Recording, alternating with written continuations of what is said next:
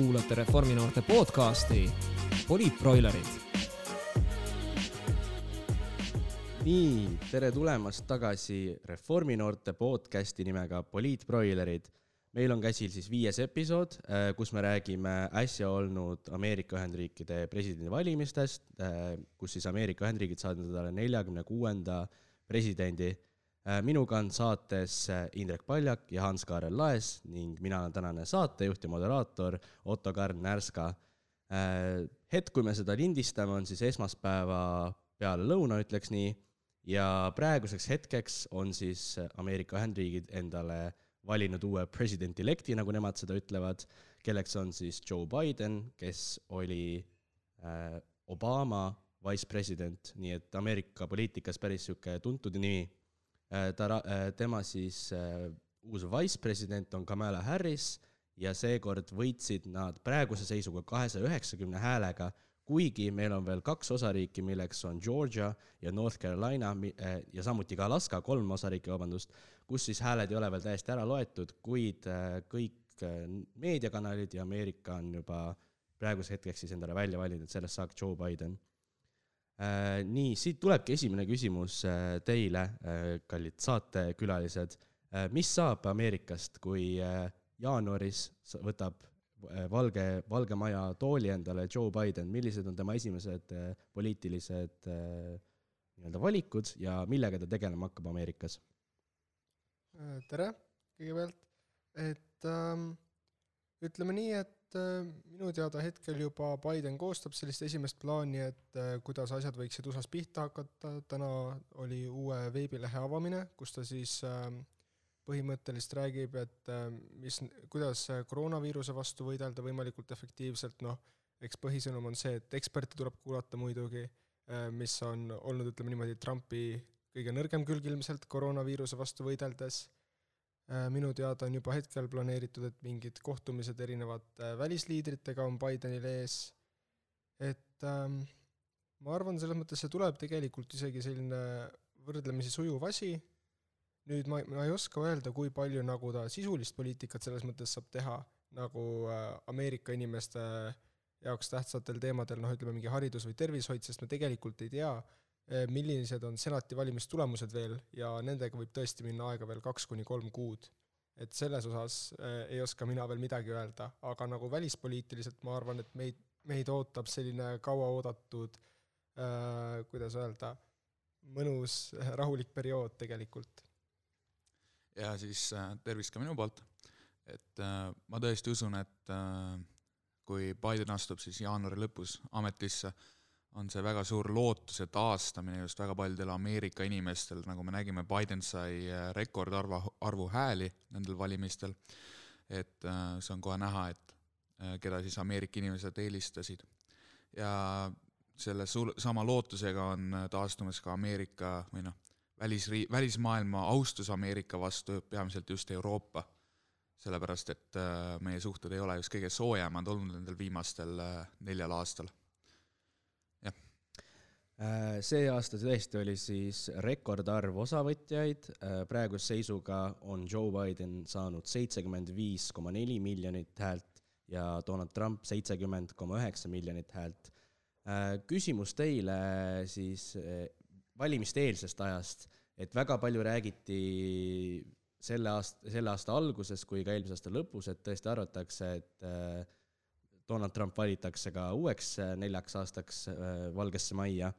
kuid äh, millised olid teie nii-öelda enda, enda ennustused äh, nii näiteks aasta alguses, suvel, kui ka näiteks nädal enne, nädal enne valimisi, Hans Kaarel? no aasta alguses, noh, enamasti on alati olnud niimoodi, et äh, see president, kelle ametiaja ajal on äh, nagu äh,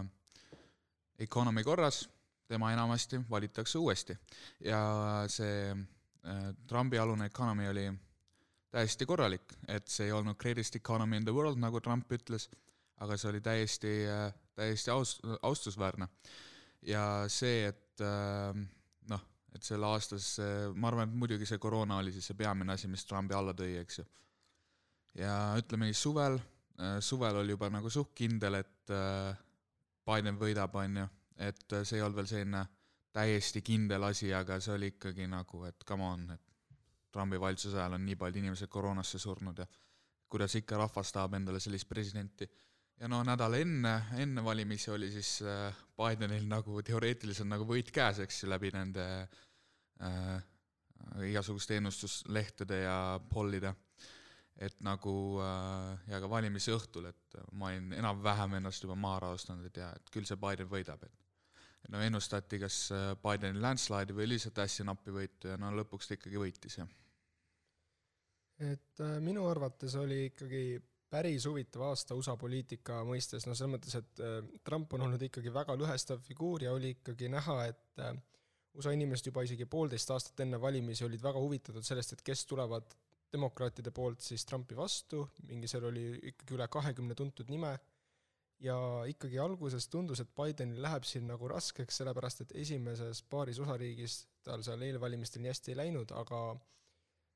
tundub, et erakond võttis selles mõttes end kokku ja vaatas, et okei okay,, meil on vaja ikkagi sellist nagu tuntud nime, kes läheb äh, Trumpi vastu, sest see ei ole aeg nagu selliste väga suurte riskide võtmiseks ikkagi. Sest et nii palju oli ikkagi tegelikult mängus minu hinnangul, et nagu ma saan aru, et demokraatide seas paljud inimesed tahavad, et oleks mingi selline väga progressiivne inimene eesotsas, kas nagu Bernie Sanders või Elizabeth Warren, aga nagu arvestades, mis on see tagajärg, kui tuleb kaotus, see on ikkagi nagu palju hullem, et ma arvan, tegelikult Biden võib olla ikkagi nagu selline ühendav kandidaat ka, et ja, ja kui mõelda valimisõhtu peale, siis oli ka nagu ikkagi tegelikult põnevus sees, sest nagu ennustati, et no võib tulla selline ikka päris suur võit ja siis vaatad Florida tulemusi ja vaatad, et ai, ikka, ikka läheb napiks ja terve öö oli ikkagi räme põnev selles mõttes. Äh, kes siis ei tea, meil toimus ka niisugune väike USA presidendivalimiste watch party, kus me siis kõik koos olime varaste hommikutundideni äh, ja vaatasime valimisi, me tegime ka natukene, niisugune tunnike kaks enne, enne algust tegime kõik oma niisuguse prediction'i, pakkusime, kumb kandidaat võidab, mitme häälega, ja Indrek oli pannud siis Bidenile kolmsada kuuskümmend üheksa valijamehe häält, mis on päris, päris palju, ja seevastu Hans pakkus, et seekord võidab siiski Donald Trump kahesaja kaheksakümne häälega äh, vaadates nüüd tagasi äh, nendele nii-öelda pakkumistele, mis te tegite, mis oli siis see, et äh, Joe Biden sai nii palju vähem hääli ja see, et Donald Trumpil sai ka väga palju vähem hääli, kas need on, mis siis see aasta olid need nii-öelda key state'id ja, ja need põnevuskohad, mis siis selle valimised ära otsustasid? Ei noh, vähemalt oli see õige tulemus kuskil seal vahepeal olemas, et me, meie intervall oli nagu selles mõttes õige. ei, aga nagu selles mõttes oli ennustatud, et kui Bidenil läheb väga hästi, siis ta võib nagu hästi mitu osariiki võita, mida demokraadid pole traditsiooniliselt võitnud, noh, Texas, Iowa ja noh, Ohio viimasel ajal ka ikkagi enam väga demokraatidele ei lähe. aga hetkel kõige tähtsam paistab olevat see ikkagi, et äh, Biden võitis tagasi need kolm osariiki, mis Hillary Clinton oli kaotanud kahe tuhande kuueteistkümnendal aastal, Pennsylvania, Wisconsin äh, ja Michigan. Et äh, need on olnud ikkagi sellised niimoodi töölisklassi piirkonnad, on ikkagi eelistanud sellist demokraatide vasakpoolsemat poliitikat, aga Trump suutis oma loosungitega siis selles mõttes rahva seal ära võluda, oli ka üsna madal valimisaktiivsus, seega tal ei olnud tegelikult nii palju vaja, et need osariigid ära võita, seda nagu ikkagi ei eeldatud, et Trump neid võidab või et noh, et pigem ta võidaks mingid muud osariigid. aga seekord siis Biden keskendus nendele osariikidele ja noh, vähemalt Michigani võitis sellise päris korraliku eduga ka ära. et äh, noh, et mis, mida veel mainida nendest äh, ennustustest, siis äh, ma mäletan, noh, jumal, esiteks jumal tänatud, et minu ennustus, mis ennustas Trumpi võitjaks, ei läinud, ei läinud täppi. Ma arvan, me oleme kõik väga rõõmsad selle, selle pärast. aga mis mul isegi läks täppi, oli minu protsendi Äh, protsendi pakkumine, ma ütlesin, panin, et äh, Trump saab nelikümmend kaheksa protsenti häältest, äh, väga paljud meediakanalid just seda ütlevadki, et ta saigi nelikümmend kaheksa protsenti häältest, no täpsem protsent, kui ma ei eksi, on praegult nelikümmend seitse koma seitse, nii et ümardades jah. et mis siis ka edust, et nagu öeldi, et Joe, Joe Biden ilusti ehitas tagasi oma selle nii-öelda blue, sinise seina, nagu öeldakse Ameerika poliitikas et äh, ja muidugi, et ta pani ka väga hästi täppi oma nende noh, kuna Biden on ikkagi demokraat, demokraadid on sellise kes-, selline pigem selline keskklassi äh, inimeste partei ja see, et ta sai tagasi need töölis, töölisosariigid, oli just see, mida, mille peale Biden mängis ja see oli ka väga tähtis, et ta need lõpuks ka võitis. aga muidu ma pean nagu tunnustama ühes asjas Trumpi kampaaniat, et äh, täitsa suur üllatus oli ikkagi see, mis ma juba eelnevalt ka mainisin, et Florida, et nimelt viimasel hetkel põhimõtteliselt otsustas Trump teha kampaaniat, et okei okay,, me peame midagi ette võtma, et äh, räägime Florida inimestele, et Biden on selline hull sotsialist, hakkab äh, sellist Sandersi poliitikat ellu viima ja USA on äh, pärast Bidenit enam-vähem nagu Kuuba. ja siis äh, kuubalased seal ja latiinod Floridas võtsid seda väga südamesse ja tegelikult Trumpi numbrid seal ikkagi paranesid tohutult. ja Florida oligi nagu selles mõttes suur üllataja, enam-vähem selline, nagu kahe tuhande kuueteistkümnendal aastal oli nii-öelda see Rust Belt. aga et jah, selles mõttes Trump mõnes mõttes kordas oma fenomeni ikkagi, et äh, tal läks paremini, kui me oleksime osanud arvata. et tõesti, nagu oli ka enne juttu, oli see aasta väga niisugune kõrge valimisprotsent ja inimesed tõesti äh, kas siis hääletasid kodus mail-in ballot itega või läksid valimispäeval kohale, et äh, kui Joe Biden on nüüd kõige suurema häälte arvuga kandidaat läbi, läbi Ameerika valimiste ajaloo, siis Donald Trumpil on teine kõige parem tulemus. et äh, need seitsekümmend miljonit häält, kes äh, või mis Donald Trump siis selle valimistel sai, kas, äh, kas see on mingisugune märk, et, et riik on tõesti väga kahemeelne ja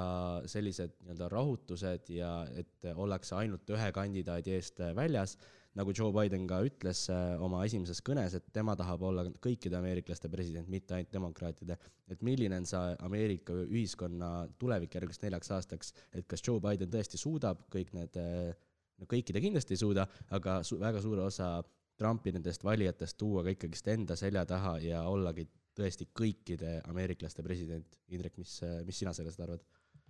um,? Ütleme nii, et siin palju sõltub sellest, mida vabariiklik partei otsustab, et kas Trump on neile pigem kahjuks või kasuks. ja et äh, juhul, kui otsustatakse Trump nii-öelda asendada mõne muu presidendikandidaadiga, siis äh, ütleme nelja aasta pärast, et äh, mis oleksid siis selle mõjud nende erakonnale tervikuna. et see on selge, et Trump on üles ehitanud ikkagi väga omapärase brändi selles mõttes, et tema toetajad on ikkagi megalojaalsed et ähm, ma julgen täitsa kindlalt öelda, et suurem osa Bideni toetajaid ei ole nagu selles mõttes nii hullult äh, tema pooldajad selles mõttes, et Trumpi puhul ongi enam-vähem nagu selline nagu äh, täiega väljas, sõjaga väljas, ma tulen igale sinu kampaaniaüritusele kohale, ma annetan sulle täiega raha, ma, ma heiskan mingi mitu sinu kampaania lippu, panen aiasilte täis, mis iganes selles mõttes, et nagu ma ausalt öelda ei kujuta ette nagu, kuidas siin nagu äh, et Bidenil on väga raske missioon selles mõttes ees, aga ma ausalt öelda arvan, et ei oleks nagu paremat inimest, kes võiks nagu proovida Ameerikat ühendada. et äh, selles mõttes USA on nagu viimased viiskümmend aastat nagu aina rohkem lõhki läinud, sellepärast et selline poliitstrateegia on aina rohkem ja rohkem nagu arenenud, erakonnad on aru saanud, et lõhestamine tuleb neile kasuks. et äh, kas, ma ei usu, et Biden üksinda suudab selle viiekümne aastase protsessi nagu pea peale pöörata, aga oleks väga tore ikkagi, kui ta suudaks sellega edukalt algust teha noh, üldiselt kui me räägime nüüd lõhestamisest, siis äh, kuna ikkagi Ameerikas on kaks parteid, noh, sellist põhiparteid, siis ähm, see on ikka selline tava, et enne igat valimisaastat on see lõhestumine ikka täiesti olevas äh,, olemasolev asi Ameerikas, aga mis tavaliselt juhtub, on see, et no umbes äh, poolteist aastat või isegi kaks aastat presidenti sisse, enamasti rahvas noh, rahuneb maha, eks ju, ja see ei ole selline nii dramaatiline lõhe, nagu see praegult on, et nagu näiteks noh, aastal kaks tuhat, kui oli meil siis Al Gore versus George Bush, eks ju, et see lõhestumine, mis seal ikka toimus, no see oli ikka nii äh,, nii dramaatiline, aga noh äh,, mis seal siis veel tuli, oli ka siis kaks tuhat üks terrorirünnak, on ju äh,, mis siis, mis tegelikult aitas äh, nii, nii kohutav, kui seda ka öelda poleks, see tegelikult liitis nagu väga ameeriklasi. ja just äh, president Bushi taha, kelle toetus äh, kasvas siis üheksakümne protsendi peale. et äh, Äh, kui veel öelda, siis äh, kuidas äh, Ameerika riik hakkab nüüd taastuma, on nagu Indrek ütles, et Trumpi toetajad on ikka tohutult, tohutult lojaalsed, eks ju, et kindlasti ühed poliitika ajaloo kõige lojaalsemad toetajad, mis ühel inimesel on nagu kunagi olnud. et nagu äh, et see sõltub tõsiselt palju ka Trumpist endast, et väga palju, väga tihti selline asi, mis on aidanud ameeriklasi kokku liita, on see, et äh, kaotanud kandidaat Ameerika presidendivalimistel on alati tunnustanud teist kandidaati kui võitjana ja alati öelnud oma rahvale, okei okay,, et äh, pole hullu midagi, eks ju, et äh, vastaseid, vast-, teistmoodi mõtlejaid oli lihtsalt palju rohkem ja noh, samamoodi võiks ka välja tuua John McCaini, kes siis kandideeris kaks tuhat kaheksa Obama vastu, kes isegi oma kampaania ajal ütles oma toetajatele ei, Obama ei ole araablane, kuri araablane, kes ei oska oma pere kasvatada, ta on, ta on normaalne, korralik kodanik, eks ju, ma lihtsalt olen temast nagu oma ideede poolest parem, eks ju. et, et kui nüüd Trump jätkab oma jutuga, mis ta on, mis ta viimase nädala jooksul teinud, siis Äh, siis ma ei näe väga, et need toetajad tema poolelt ära läheksid. järgmiseks äh, ma tuleks tagasi nüüd niisuguse äh, Joe Bideni võidu jälle edu poole, et Joe Biden valis siis oma running mate'iks ja oma tulevaseks USA vice presidendiks Kamala Harrise, kellest siis saab jaanuaris esimene mustanahaline naine, kes siis võtab koha presidendi, presidendini ühes, ühesõnaga nagu office'is. ja ma küsikski teilt, et mis te arvate, et milline oli äh, Kamala Harrise niisugune mõju äh, Joe Bidenile, äh, kui palju siis hääli võitis Joe Biden just tänu, tänu temale, et milline oli tema roll nendel presidendivalimistel? et ma tegelikult ei isegi ei arva, et see nii suur roll oli võib-olla Kamala Rassil, et ähm, et muidugi ma arvan, et suurem teema nendel valimistel oligi see, et asepresidendi kandidaat oleks naine, et oli seal demokraatide debatid, kus oli siis äh, Bernie Sanders versus Joe Biden, neilt küsiti, et kas te mõlemad lubate, et kui te valite endale nagu running mate'i, siis see peab olema naine ja nad mõlemad sellega ka koha peal nõustusid, no ilmselt oli see otsus siis koha peal ka tehtud nende mõlema poolt, et lihtsalt nagu seda populaarsust saada. et siis äh, see, mis tuua sellega, et Kamalal on siis ähm, äh, nagu äh, Indiast äh,, India päritolu geen äh,, noh, ta ise on ka selline mustanahalisem, eks ju, et äh, ma ei usu tegelikult, et see oma, omat moodi nii palju neid hääli juurde tõi, pigem see just kinnitas neid mustanahaliste ja naiste hääli. jah, ma, ma nüüd tooks siia juurde veel selle asja, et äh, äh tavaliselt on ka valitud äh, asepresidente sõltuvalt sellest osariigist, et kust nad pärit on, et noh, lootus, et oh, see võib äkki tuua mingeid hääli juurde seal, aga Äh, senaator Californiast ilmselgelt ei teeni just neid huve. aga äh, ütleme nii ikkagi, et noh, see otsus langetati selliste Black Lives Matter protestide alguses ikkagi, et äh, see asepresidendi kandidaat võiks olla siis mustanahaline, aga ma ei tea, ma arvan isiklikult, et Georgias võis see küll võidu tuua nagu kaasa, noh, mis on mingi kümne-viieteist tuhande hääle küsimus see oli tegelikult ja mustanahaliste seas oli tegelikult valimisaktiivsus ikkagi nagu päris kõrge, aga jah, ma arvan nagu, et Biden oleks suutnud võita ka mõne teise asepresidendiga, et Biden on ikkagi see keskne isik siin, nagu ta peakski olema, sest tema oli presidendikandidaat ja asepresidendi kandidaat ongi see, kes teda asendab tulevikus. Äh, nüüd ma tuleks niisuguse kõige-kõige nii-öelda selle teema juurde, mis on praegu olnud äh, nii-öelda maailma, maailma niisuguses huvipunktis, huviorbiidis et äh, kuidas on äh, Trump käitunud äh, alates sellest hetkest, kui ta sai aru, et tema neid valimisi kahjuks see aasta ei võida või noh, siiski õnneks ka, et ta neid ei võida, et ta hakkas kohe ründama siis selle aasta valimisi, tema suust ja tema tweetidest leidis igasuguseid loosungeid, kuidas natukene enne seda, kui siis ka Fox News ja CNN, CNN oli siis esimene nii-öelda, kes siis nii-öelda suures, suurtest meediakanalitest ta vist ka välja, välja kuulutas, kui ma ei eksi, ja natuke enne seda tuli siis niisugune kuulus, kurikuulus tweet, et uh, I won the election by a lot, mille eest ta sai siis väga niisugust äh, suurt tagasisidet ja samuti ka tema pressikonverents, äh, kus ta siis tõi täiesti väljamõeldud äh, fakte, et kuidas ikkagist selle aasta nii-öelda valimised on täiesti riikt tema on võitnud väga suurte häältega, neid hääli on kuskilt välja mõeldud, surnud inimesed käisid hääletamas ja kuidas äh, Pennsylvania osariigis ei lastud siis äh, Republican inimesi vaatama valimisi, et äh, kuidas äh, see on siis nüüd tal läinud, kas tema kohtuste kaebamistel on üldse mingisugust tõepõhja all, et millised on tema variandid, kui ta nüüd lähebki, hakkab käima kohtuteed, et tema ikkagist võitis need valimised, kas see on tõesti siis täielik väljamõeldis või on seal ka mingisugune tõepõhi taga?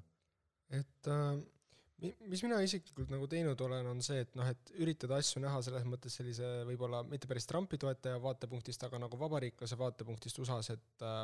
et noh, näha, kuhu need asjad võivad areneda, olen ma tihti vaadanud Fox Newsi veebiväljaannet, et äh, ja mis seal ikkagi on toimunud, on see, et pealkirjad ka ikkagi näitavad seda, et vähemalt nemad arvavad nii ja ma arvan, et paljud vabariiklased ka sealhulgas, et Trumpi väited on alusetud ja ta on ikkagi valimised kaotanud. Et ähm, ütleme nii, et need kohtusse kaebamisi võib muidugi teha, aga nagu üks asi on kaebamine, teine asi on tulemused, et nagu isegi kui seal ühest või kahest osariigist tulemused tulevad, ma ütlen, et hetkel ongi ikkagi praktiliselt võimatu, et Trump need valimised võidab ja nagu tõesti, isegi kui võtta nagu see, mida näiteks Mart ja Martin Helme siin eh, hiljuti Eestis raadiosaates rääkisid, et eh, USA-s teatud, või noh, et selles mõttes, et meedia räägib sellest ja et valimistulemused on võltsitud ja nii siis nagu tegelikult peab päris kaua otsima, et mingeid selliseid nagu usaldusväärseid allikaid sellest leida ja ma, no ma ikkagi mõtlen selles mõttes, et nagu äh, kui omal ajal oli Trumpi umbusaldamiskatse, siis oli Fox News ikkagi täiega tema poolel. et nagu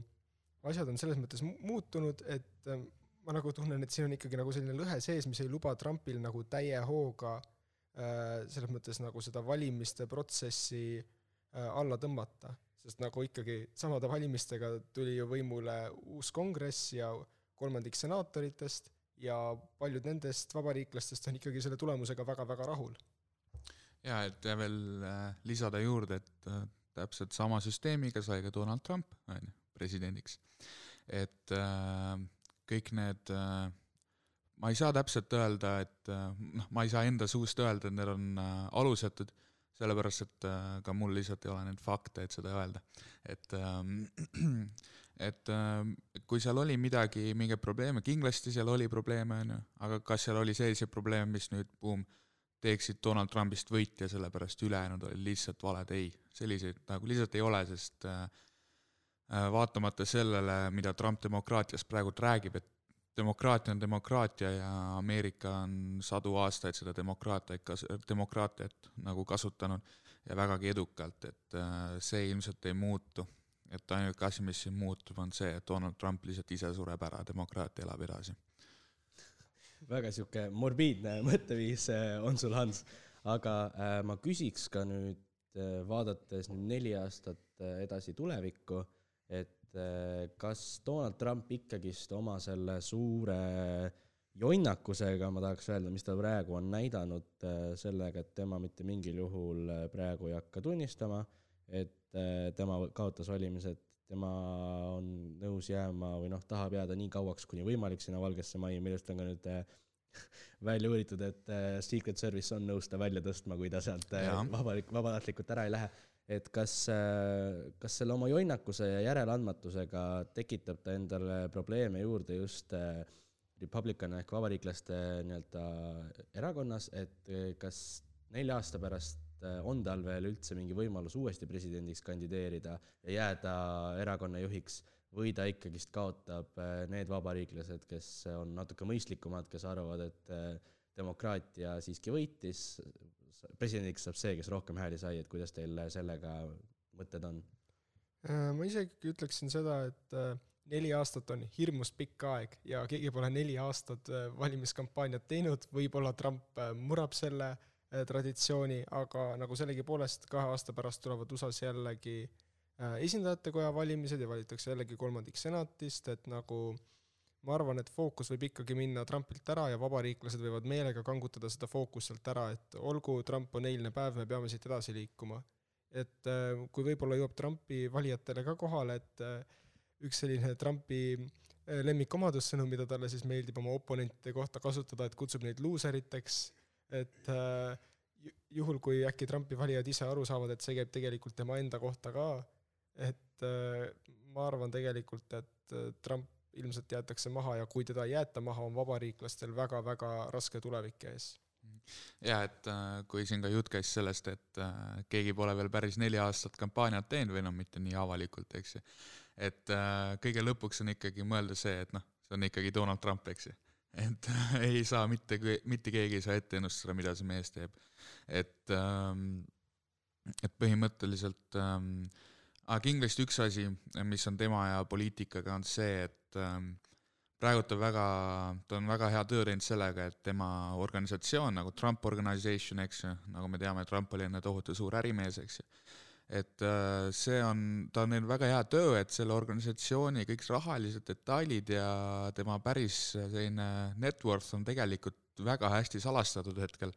ja on äh, igasuguseid teooriaid selle kohta, et kuidas ta on tegelikult praegult äh, miljardeid võlgades erinevatele suurtele välisriikidele äh,, kuidas ähm, noh, muidugi Trump ei ole, ei suutnud, ei ole ikka veel suutnud oma tax returns'e avaldada ja kõik see teema, et kui ta tõesti jääb oma au ja uhkuse juurde, milleks on siis see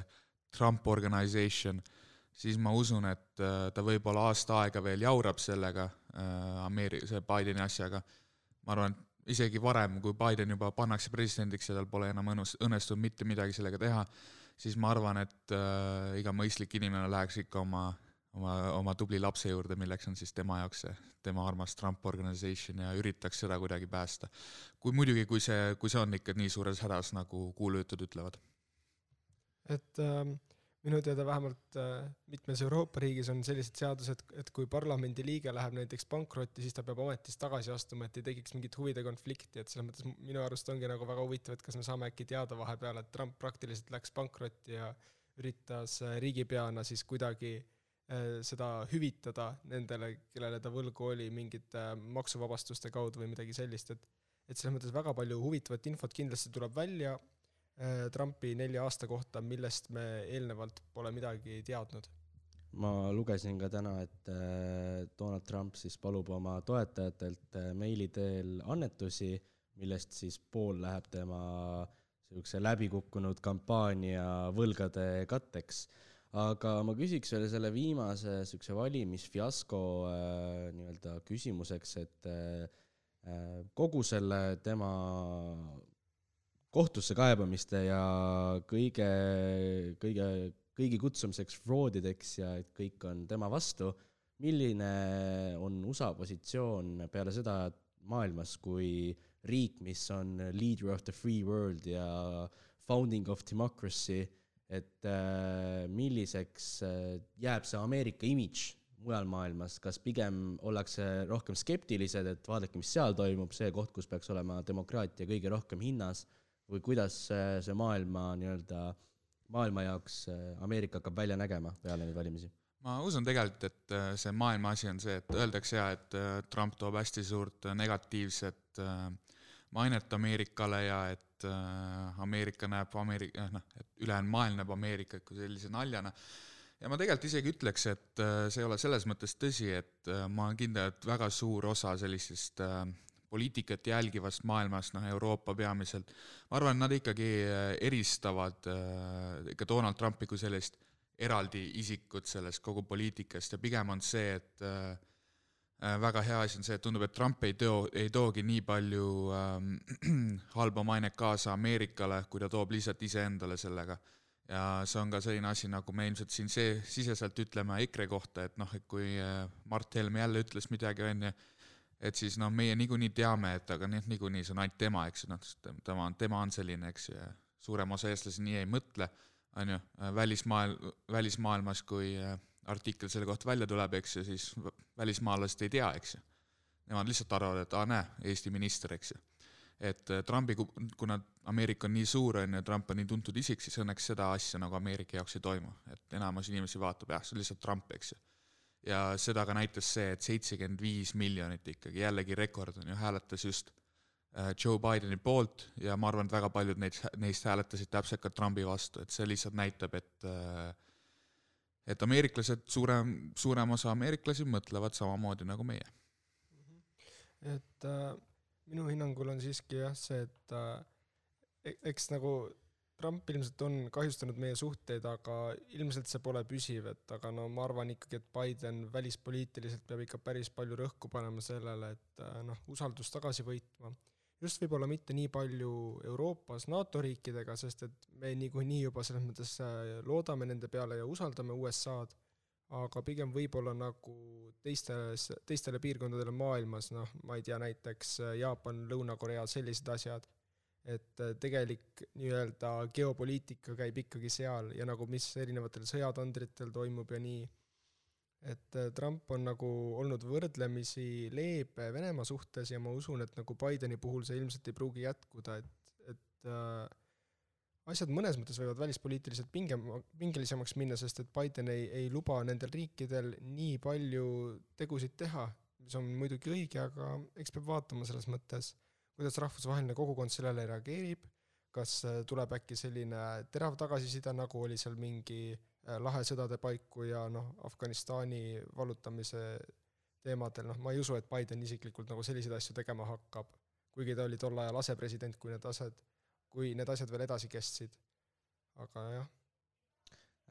ma küsiks teilt veel ka, kuna senat ei ole veel ära otsustatud, äh, see jääb äh, Georgia otsustada, mis siis tuleb välja jaanuaris, mis te arvate, milline hakkab välja nägema USA senat ja kongress üleüldiselt, milline see tulevik nende jaoks on? ütleme nii, et see tuleb väga huvitav selles mõttes, et varem pole kunagi nii olnud, et need järelvalimised otsustaksid selle, et kes kontrollib kas siis senatit või esindajate koda et äh, need kaks senaatorit, kelle kohta me veel ei tea, et kes nad on, kes nad saavad olema, et need mõlemad on Georgias, mis ongi just see osariik, mille Biden imeväikese eduga võitis. et äh, ma arvan, sinna valimiskampaaniasse äh, viskavad nii vabariiklased kui demokraadid sadu miljoneid dollareid ja see saab täitsa ajalooline olema. aga kui mõelda esindajate koja peale, siis demokraadidel ei läinud tegelikult seal valimistel üldse nii hästi, et nad peavad tegelikult ikkagi osade asjade puhul nagu tagasi tõmbama, sest mõned seal ei ole väga progressiivsed, on isegi pigem konservatiivsed, et mingeid radikaalseid muutuseid USA-s kindlasti nelja aasta jooksul aset ei leia. ja noh, tegelikult ma arvan, see on USA mõistes nagu ikkagi hea, et äh, Trumpi peamine selline hirmutussõnum oma valijatele, et Biden teeb USA sotsialistlikuks riigiks või midagi sellist, see lihtsalt ei saa juhtuda. jaa, et ähm, et tegelikult, et kui me nüüd mõtleme selle peale, et äh, senaator, ma olen äh,, kuskilt olen kuulnud, et senaat äh,, nagu senatis on niimoodi, et äh, et senaat, et väga suur äh, mõju senaatoritel on ka lihtsalt äh, isiklikud läbisaamised. et äh, mitte tingimata ainult see, et kas sa oled vabariiklane või demokraat ja see otsustab, kuidas sa häälestad. et näiteks, et äh, ma kuulsin ühte näidet ühe, ühte, ühe kindla senaatori kohta, kes ähm,, kelle nime hetkel olen ma ära unustanud kahjuks, aga igal juhul ta pidavat olema siis ähm, vabariiklane, kes siis näiteks äh, sel ajal, kui Obama oli president, oli ta tohutu Obama vastane ja, ja eitas tema poliitikat ja ei saanud temaga üldse läbi, samas äh, ta oli Joe Bideniga, kes oli tol ajal äh, Obama asepresident, oli ta Joe Bideniga, olid tal tohutult suured lihtsalt isikulised isikulised suhted. et see peab ka, et noh, Joe Biden on, äh, kuna ta on nii pikalt olnud ka ise senaator, siis see võib täiesti kindlalt äh, teda isegi aidata, et isegi siis, kui vabariiklased peaksid võtma võimu senatis, et see võib ikkagi, Joe Biden võib väga vabalt lihtsalt isikuliselt nagu selle paremaks teha enda jaoks jah, ma olen täitsa nõus, et noh, väidetavalt ikkagi väga paljud vabariiklased nii kongressis kui senatis ei ole ikkagi väga rahul Trumpiga ja ongi võimalik, et nad üritavad selles mõttes võib-olla äh, koos Bideniga mingitel teemadel ikkagi koostööd teha, no näiteks sellised äh, teatud relvateemad on näiteks kus, kus seitsekümmend, kaheksakümmend protsenti ameeriklastest on samal arvamusel ja ma arvan, et seal on küll nagu ikkagi võimalik äh, nii-öelda riigi kasuks selles mõttes äh, otsuseid teha. me oleme, meil saab kohe aega kahjuks otsa, ma küsiks teilt äh, mõlemalt veel ühe viimase küsimuse, et tegelikult äh, faktiliselt on Donald Trump äh, läbi nii-öelda oma nelja aasta siis väga palju raha suunanud just NATO-sse ja olnud tegelikult väga niisugune tugev liitlane Eestile just sõjaliselt. et ta on Eesti nii-öelda suur sõber, sest et Eesti täidab oma kaheprotsendilist nii-öelda kohustust NATO ees. ma küsikski, et Eesti nii-öelda julgeoleku mõttes, kas äh, Donald Trump oleks olnud tegelikult kasulikum president, sest ka Joe Biden tahaks enne saada asjad oma riigis korda, tema tahaks pigem sõjalist sekkumist vähem välisriikides, et kas Joe Biden tahab pigem oma sõdurid tuua koju ja tema niisugune välis äh, sõjaline pool jääb Eestis väiksemaks, et meie nii-öelda julgeolek ei ole nii tagatud, kui ta oleks Donald Trumpiga. eks see küsimus muidugi valgus praegu väga laiali, aga kui ma nüüd toon selle kiiresti kokku, siis kas, kas Biden on ikkagist julgeoleku mõttes Eestile parem president, kui seda oli Donald Trump, Indrek um,? no ütleme nii jah, et selles mõttes julgeoleku või kaitsepoliitika osas on olnud äh, Trump ikkagi nagu võrdlemisi noh, tugev president, selles mõttes, et ei hakka kaitsekulutusi kärpima ja nii edasi, aga ma ütleksin vähemalt, ütleme Eesti vaatepunktist ikkagi on Biden olnud väga usaldusväärne poliitik, et ta huvitus väga Baltikumi turvalisusest, Andrus Ansip omal ajal kahe tuhande kuueteistkümnendal aastal ütles ühes intervjuus, et äh, Biden on see USA poliitik, kes tema noh, nendest, kes tema teab, hoolib Eesti heaolust kõige-kõige rohkem. et äh, ma arvan, vähemalt meie isiklikust vaatepunktist saavad asjad ainult paremaks minna. et ähm, et sama, samas jällegi võtame selle, et noh, Trump on olnud tohutult suur sõjaväeline liitlane, aga võib ka seda öelda, et äh, üks asi on lihtsalt nagu selline äh, liitluslus ja teine asi on ka äh, suhted vastastega. et kui me vaatame seda, et äh, Trump vähemalt üritas äh, väl-, noh, muidugi ei tea, kui hea sõber on Donald Trump tegelikult nagu isiklikult äh, Putiniga, siis avalikult ta üritas küll seda välja näidata, et jaa, et Venemaa, USA supersuhted, me oleme tohutult head sõbrad temaga,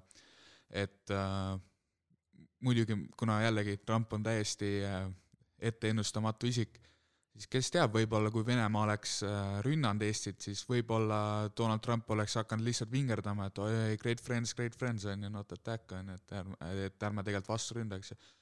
mis ähm, ja kui me vaatame nüüd äh, Bideni äh,, Bideni sellist välispoliitikat nagu noh, Bideni ametlik nii-öelda väljaanne Balti riikide kohta oligi siis see, et jaa, et äh, me näeme me näeme väga selgelt, et Venemaa on ikkagi meie suur vastane. Ja me kohe kindlasti võtame selle enda peale, et isegi kui Venemaa peaks kuidagigi nagu torkima Balti, Balti riike ja noh, kaasa arvatud ka Eestit,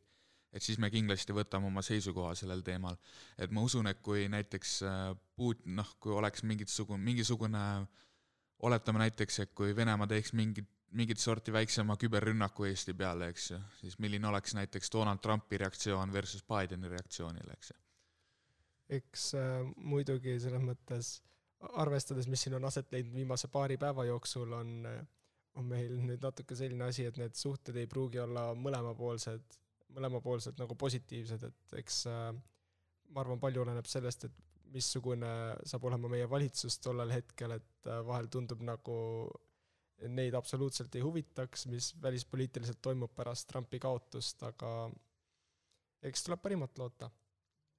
Aga aitäh äh, sulle, Indrek, aitäh sulle, Hans, et tulite täna rääkima Ameerikast. Kindlasti järgmised nädalad ja kuud